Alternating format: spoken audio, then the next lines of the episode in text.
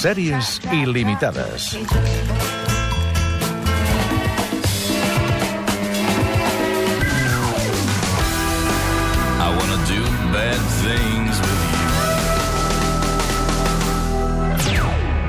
Tres quarts d'una. Les vacances i l'estiu són bons per llegir, anar a veure concerts, consumir cultura en general, però com sabem, moltes ficcions televisives demanen hores i hores per posar-se al dia. Per això avui parlem de sèries bones, però curtes, amb pocs capítols o capítols independents que es poden seguir sense marejar-se ni una mica. Amb Sílvia Comet i Cristina Bordes, bon dia. Hola, bon dia. Bon dia. De seguida ens hi posem, però primer toca obrir els diaris televisius per subratllar les millors notícies de la setmana.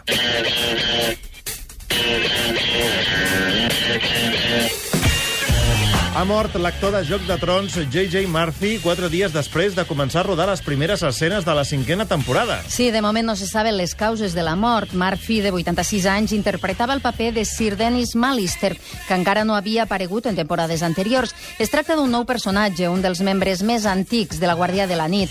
L'HBO no ha explicat si Murphy havia completat totes les seves intervencions a la sèrie, si caldrà tornar-les a rodar amb un nou actor i tampoc si el guió s'adaptarà d'alguna manera a les noves circumstàncies. Com diem, la cinquena temporada de Joc de Trons ja està en marxa i aprofitem per recordar que algunes escenes es rodaran a Sevilla, que serà l'emplaçament del Regne de Dorn. L'HBO l'estrenarà a l'abril del 2015 i aquí, recordem, es pot seguir via Canal+. Plus. Avui també hem de lamentar una mort, eh, la de Robin Williams, que recentment havia fet una sèrie, també la seva tornada a la televisió, mm, va ser un fracàs. The Crazy One. Exacte, va ser un fracàs, no ha renovat per una segona temporada, però és una sèrie d'aquest any i, va, es pot destacar. Continuem eh, amb els rumors eh, sobre el càsting del drama d'investigació criminal True Detective. La veritat és que ens estan fent patir perquè no hi ha res confirmat encara, però l'última actriu que sona per aquesta segona temporada sí ha fet declaracions al respecte. Parlem d'Elizabeth Moss, que és la Peggy de Mad Men i la protagonista de Top of the Lake, que, segons diuen alguns mitjans, podria posar-se al capdavant de la interpretació femenina d'aquesta segona entrega de True Detective. Ella ha dit que se sent molt afalagada perquè l'associen al projecte, diu que és una sèrie excel·lent i que HBO sempre fa el millor. Mm, Comentari lleig tenint en compte que Mad Men és de la competència de, de l'AMC. Però vaja, és una resposta prou positiva com per pensar que el rumor es pot acabar convertint en un fitxatge en ferm i tant de bo. Clar que si Mad Men s'ha acabat i, per tant, potser la seva carrera a la IMSI s'ha acabat, doncs ara ha de fer la pilota als de l'HBO que la volen fitxar. No tots són rumors, però, a True Detective, perquè també hi ha acusacions. Exacte. No tot el que ha recollit és èxit perquè el creador de la sèrie, Nick Pizzolatto, ha estat acusat ni més ni menys que de plagi. Especialment de l'escriptor i poeta de terror Thomas Ligotti, en qui Pizzolatto ja va dir que s'havia inspirat. Però la xarxa no perdona i dos estudiants han penjat un vídeo en què comparen algunes de les frases del personatge de Matthew McConaughey amb les línies de Ligotti i que efectivament tenen moltes similituds. Davant d'això, Pizzolatto s'ha vist obligat a negar que es tracti de res més que una inspiració i afegeix que és evident que les idees filosòfiques del personatge no són propietat de cap escriptor. Evidentment, doncs, la polèmica que està servida. Ara que ja hem actualitzat la informació televisiva, toca agafar paper i boli. Atenció, per apuntar grans propostes que podem veure en poc temps, per tant, ideals per aquest estiu perquè no totes les bones sèries tenen 6, 7, 10 temporades. Avui us seleccionem perles que podreu descobrir en qüestió de poques hores. I la Sílvia Comet dispara primer amb Happy Valley.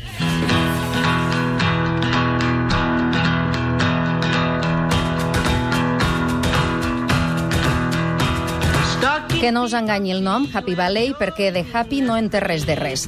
És un drama intensíssim de la BBC, per mi de lo milloret d'aquesta temporada, i que compleix aquesta premissa de bona part de les bones sèries britàniques. Si ho pot fer en sis capítols, no, no cal que ho facis en set. Cosa que no fan els americans. vaja. Efectivament. Eh, Hem parlat alguna vegada de sèries allargades com un xiclet, doncs aquesta té sis capítols. La protagonista és la sergent Catherine Cabot, una superprofessional policia que carrega amb una història personal dolorosíssima pel suïcidi de la seva filla, provocat per un psicòpata que acaba de sortir de la presó. Mentre intenta netejar la ciutat de drogues, es produeix un segrest i alhora s'haurà d'enfrontar cara a cara amb aquest home que va destrossar totalment la seva família. Aquesta és la part policial només. La personal encara és pitjor, encara per és més tant, dramàtica. una sèrie policial eh, que té aquesta intriga de la investigació, però que es basa molt en una interpretació que deu estar a l'alçada, no? I tant tant que està a l'alçada és de 10. El paper de la sergent Cabot, el broda Sarah Lancashire. Una heroïna a punt d'entrar en la cinquantena, que és dura, duríssima, però increïblement humana, sobretot humana. M'arrisco amb un petit avançament dels primers minuts de la sèrie. Mm, Pot ser una miqueta spoiler, però jo, jo crec que no. No. crec que paga la pena. Escolteu-la i segur que quedareu enganxats. I'm Catherine, by the way. I'm 47. I'm divorced. I live with my sister, who's a recovering heroin addict. I've two grown-up children, one dead, one who doesn't speak to me, and a grandson. So És una de les primeres escenes on fa de negociadora i explica la seva situació a un delinqüent. Explica que fa de mare àvia del fill de la seva filla que es va suïcidar, conviu amb la seva germana exdrogadicta, les relacions amb el seu exmarit no són ideal. Vaja, ja ho veieu, que happy-happy No. no, no, no seria. Doncs eh, el torn ara és eh, de la Cristina. Ens porta una altra novetat d'aquestes eh, minissèries. Arriba també del Regne Unit, Inside Number 9. Come and get your lollipops. Something wicked this way come.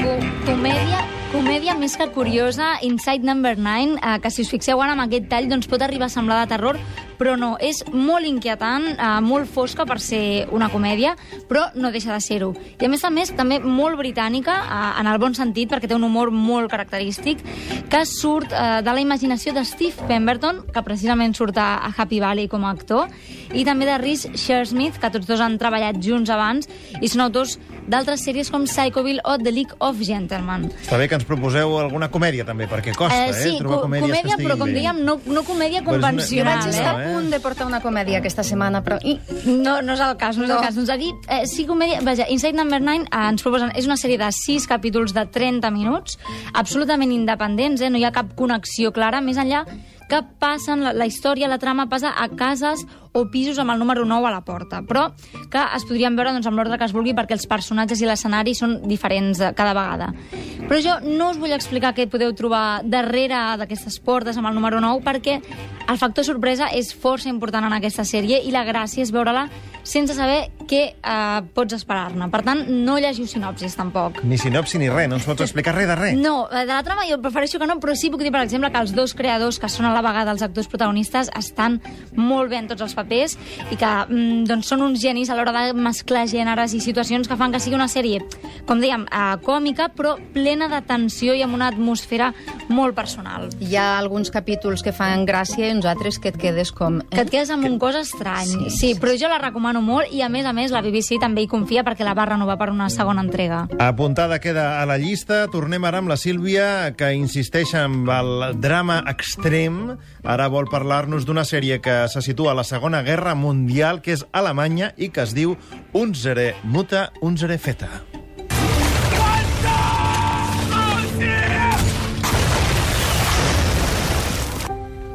Comencem bé. Amb un, Sí, ara és quan truquen tots els nostres oients que saben alemany i diuen, què has dit? Després ho diràs tu, doncs. No, no, jo, jo, jo faré la traducció, va. És una sèrie de mini... És minissèrie, és de tres capítols només, però resulta que fa una hora i mitja cadascun. Això s'ha de tenir en compte.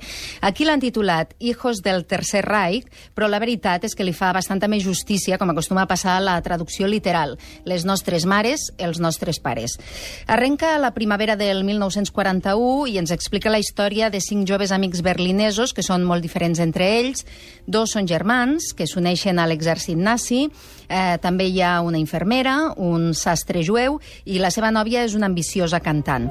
Donen la guerra per guanyada i també per acabada, una mica, i planegen retrobar-se per Nadal per celebrar-ho. Abans que arribi Nadal, però, eh, el que s'hauran d'enfrontar és a les conseqüències de la Segona Guerra Mundial, que són molt dures. Fa pensar una mica en Hermanos de Sangre, de Pacífic, eh, grans sèries que recordem sobre la Segona Guerra Mundial. Eh, és de la mateixa qualitat o fins Sí, i tot sí, millor? la, la qualitat és la mateixa. Més que una minissèrie podria ser una pel·lícula de 270 mm. minuts, com aquestes dues que has dit, que Sí, també sí. són sèries dividides en blocs, eh, perdó, pel·lícules dividides en blocs, i, co i que convida a veure-ho d'una tirada. De fet, jo la vaig veure d'una tirada. si vau veure... Ahir la nit, precisament. Sí. si vau veure Hermanos de Sangre, segurament devíeu pensar això que era molt difícil crear una altra sèrie a l'alçada i compleix les expectatives. Les batalles tenen menys pes i tenen més joc les històries humanes, cosa que està, me, està molt bé, i un dels seus grans mèrits és que està explicada des de la perspectiva alemanya, que és la dels perdedors, perquè normalment aquestes que hem citat, Hermanos de Sangre, de Pacífic, són sèries americanes i, i són des de la perspectiva americana, encara que es vulguin esforçar a tenir empatia amb l'altre bàndol, no? Doncs eh, en aquesta tot es mostra a favor d'entrada de l'exèrcit de Hitler, però la història es va transformant a mesura que avança la guerra i els personatges també. No hi ha heroismes ni d'una part ni de l'altra, ni justificacions de cap mena. I això precisament és el que li ha valgut algunes crítiques negatives unes per falta de precisió històrica i també, com va passar amb la pel·lícula El hundimiento, per recrear la història d'una part de la societat alemanya, en aquest cas, en aquest cas molt joves, que confiaven a cegues en els plans de Hitler. Crítiques a banda, jo crec que pot tenir imprecisions històriques i tal, però aporta una visió una mica més àmplia sobre la Segona Guerra Mundial i això ja la fa recomanable. Doncs eh, acabem fent un salt el temps per recuperar una sèrie que ja fa uns anys que es va emetre, però que no és molt interessant. Hit and Miss. So, you were a man, but now you're a woman. Yeah, I'm a woman, trapped inside a man's body. Una sèrie que té una protagonista atípica, oi, Cristina? Sí, drama britànic que gira al voltant d'una noia transexual que treballa com a assassina a sou per poder-se pagar l'operació definitiva de canvi de sexe. Però abans d'explicar-vos com es complica la cosa, cal dir que està interpretada per una grandiosa Chloe Sevigny, que és una actriu que heu pogut veure a Boys Don't Cry, per la que la van nominar als Oscars, o en sèries també com American Horror Story, i que aquí també està per aixecar-se i aplaudir. I dit això, doncs, la sèrie comença quan descobreix que té un fill concebut 11 anys enrere, quan encara no havia començat el canvi de sexualitat, i se n'ha de fer càrrec de la nit al dia perquè la mare del nen i antiga parella seva doncs, ha mort.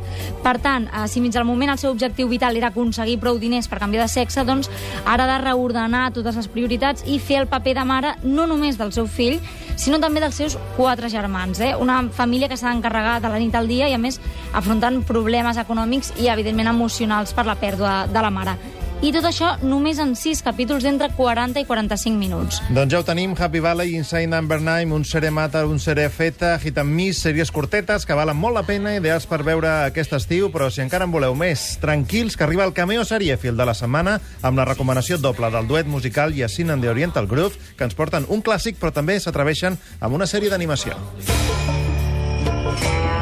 El Cameo. La sèrie que em vaig enganxar va ser Breaking Bad, va ser veure el primer capítol i, i a partir d'allà mm, m'hi anava enganxant cada cop més, sobretot per com interpretaven els actors, el protagonista em va impressionar molt, no?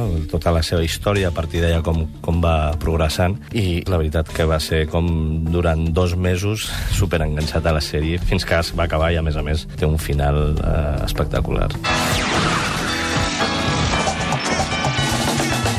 Pues yo me había enganchado un poco en las series de dibujos animados, el Futurama, que lo empecé a, primero a mirar en la época que tenía tele en casa y después seguí mirándolo por internet. Y es una historia de un, de un tío que se congela y- por, por accidente y se, se despierta el año 3000 y allí empieza a trabajar en una empresa de mensajería con naves espaciales y tiene un humor muy gracioso. Es del mismo creador de Los Simpson también y del Family Guy, padre de familia. Y se pueden ver tanto los niños como los mayores porque tiene eso de humor de doble sentido. Han hecho unas películas también, creo que siguen haciéndolo ahora y la verdad espero que saquen nuevos capítulos para poder seguir mirándola.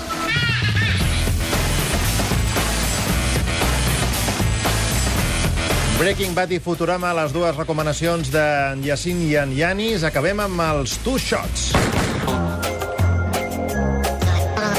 I aquest és un shot de veritat. L'Amy de Big Bang Theory dona part del seu sou milionari a l'exèrcit israelià.